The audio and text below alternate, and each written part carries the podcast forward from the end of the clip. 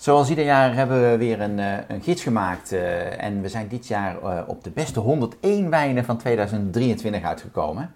Zo En komt in het eruit uiteindelijk, ja, hè, zo kwam het, het eh, aantal. En we hadden ook heel veel inzendingen dit jaar. We hadden veel inzendingen en we hadden een spannend eh, speciaal thema.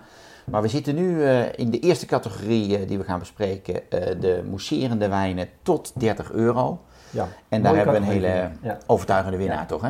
Ja, Ja. dit is wel echt geweldig eh, mousserend. En ja, ik, je kunt altijd discussiëren, ook als je op reis bent, van eh, moet je nou een mousserende wijn maken die een, die een kopie is van champagne, of moet je je hele eigen stijl maken? Ja. En daar is voor beide dingen is wat te zeggen, maar dit is Ja. dan echt de perfecte, ik wou niet zeggen, eh, je kunt het van champagne niet onderscheiden, maar en kopie zal ik het ook niet willen noemen, Nee. maar het lijkt wel Nee. verdomd veel op champagne. Hè. Nee, even voor de Ja. goede orde, hè. Het, eh, eh, de winnaar is Raumland, de Ja. QV Catharina Brut Natuur 2017.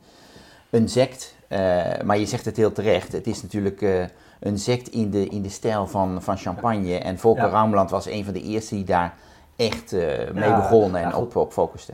Je ook werkt natuurlijk ook met Pinot Noir en Meunier voor, Ja. voor deze wijn. Dus dezelfde druiven als Ja. eh, heel veel champagnes. En natuurlijk met een lange rijping op de fles eh, na de tweede gisting. Ja, natuurlijk toch- 56 maanden voor deze Precies. wijn, moet je En nagaan. die autolyse van die gistcellen geeft echt het mooie geurtje van een, eh, wat je ook gewend bent in goede Ja. champagnes. Dus, en dan voor 29, Ja. 14 bij de wijntherapeut in dit geval, heb je toch wel een fantastische fles ja, geweldig, eh, een geweldige winnaar, denk ik.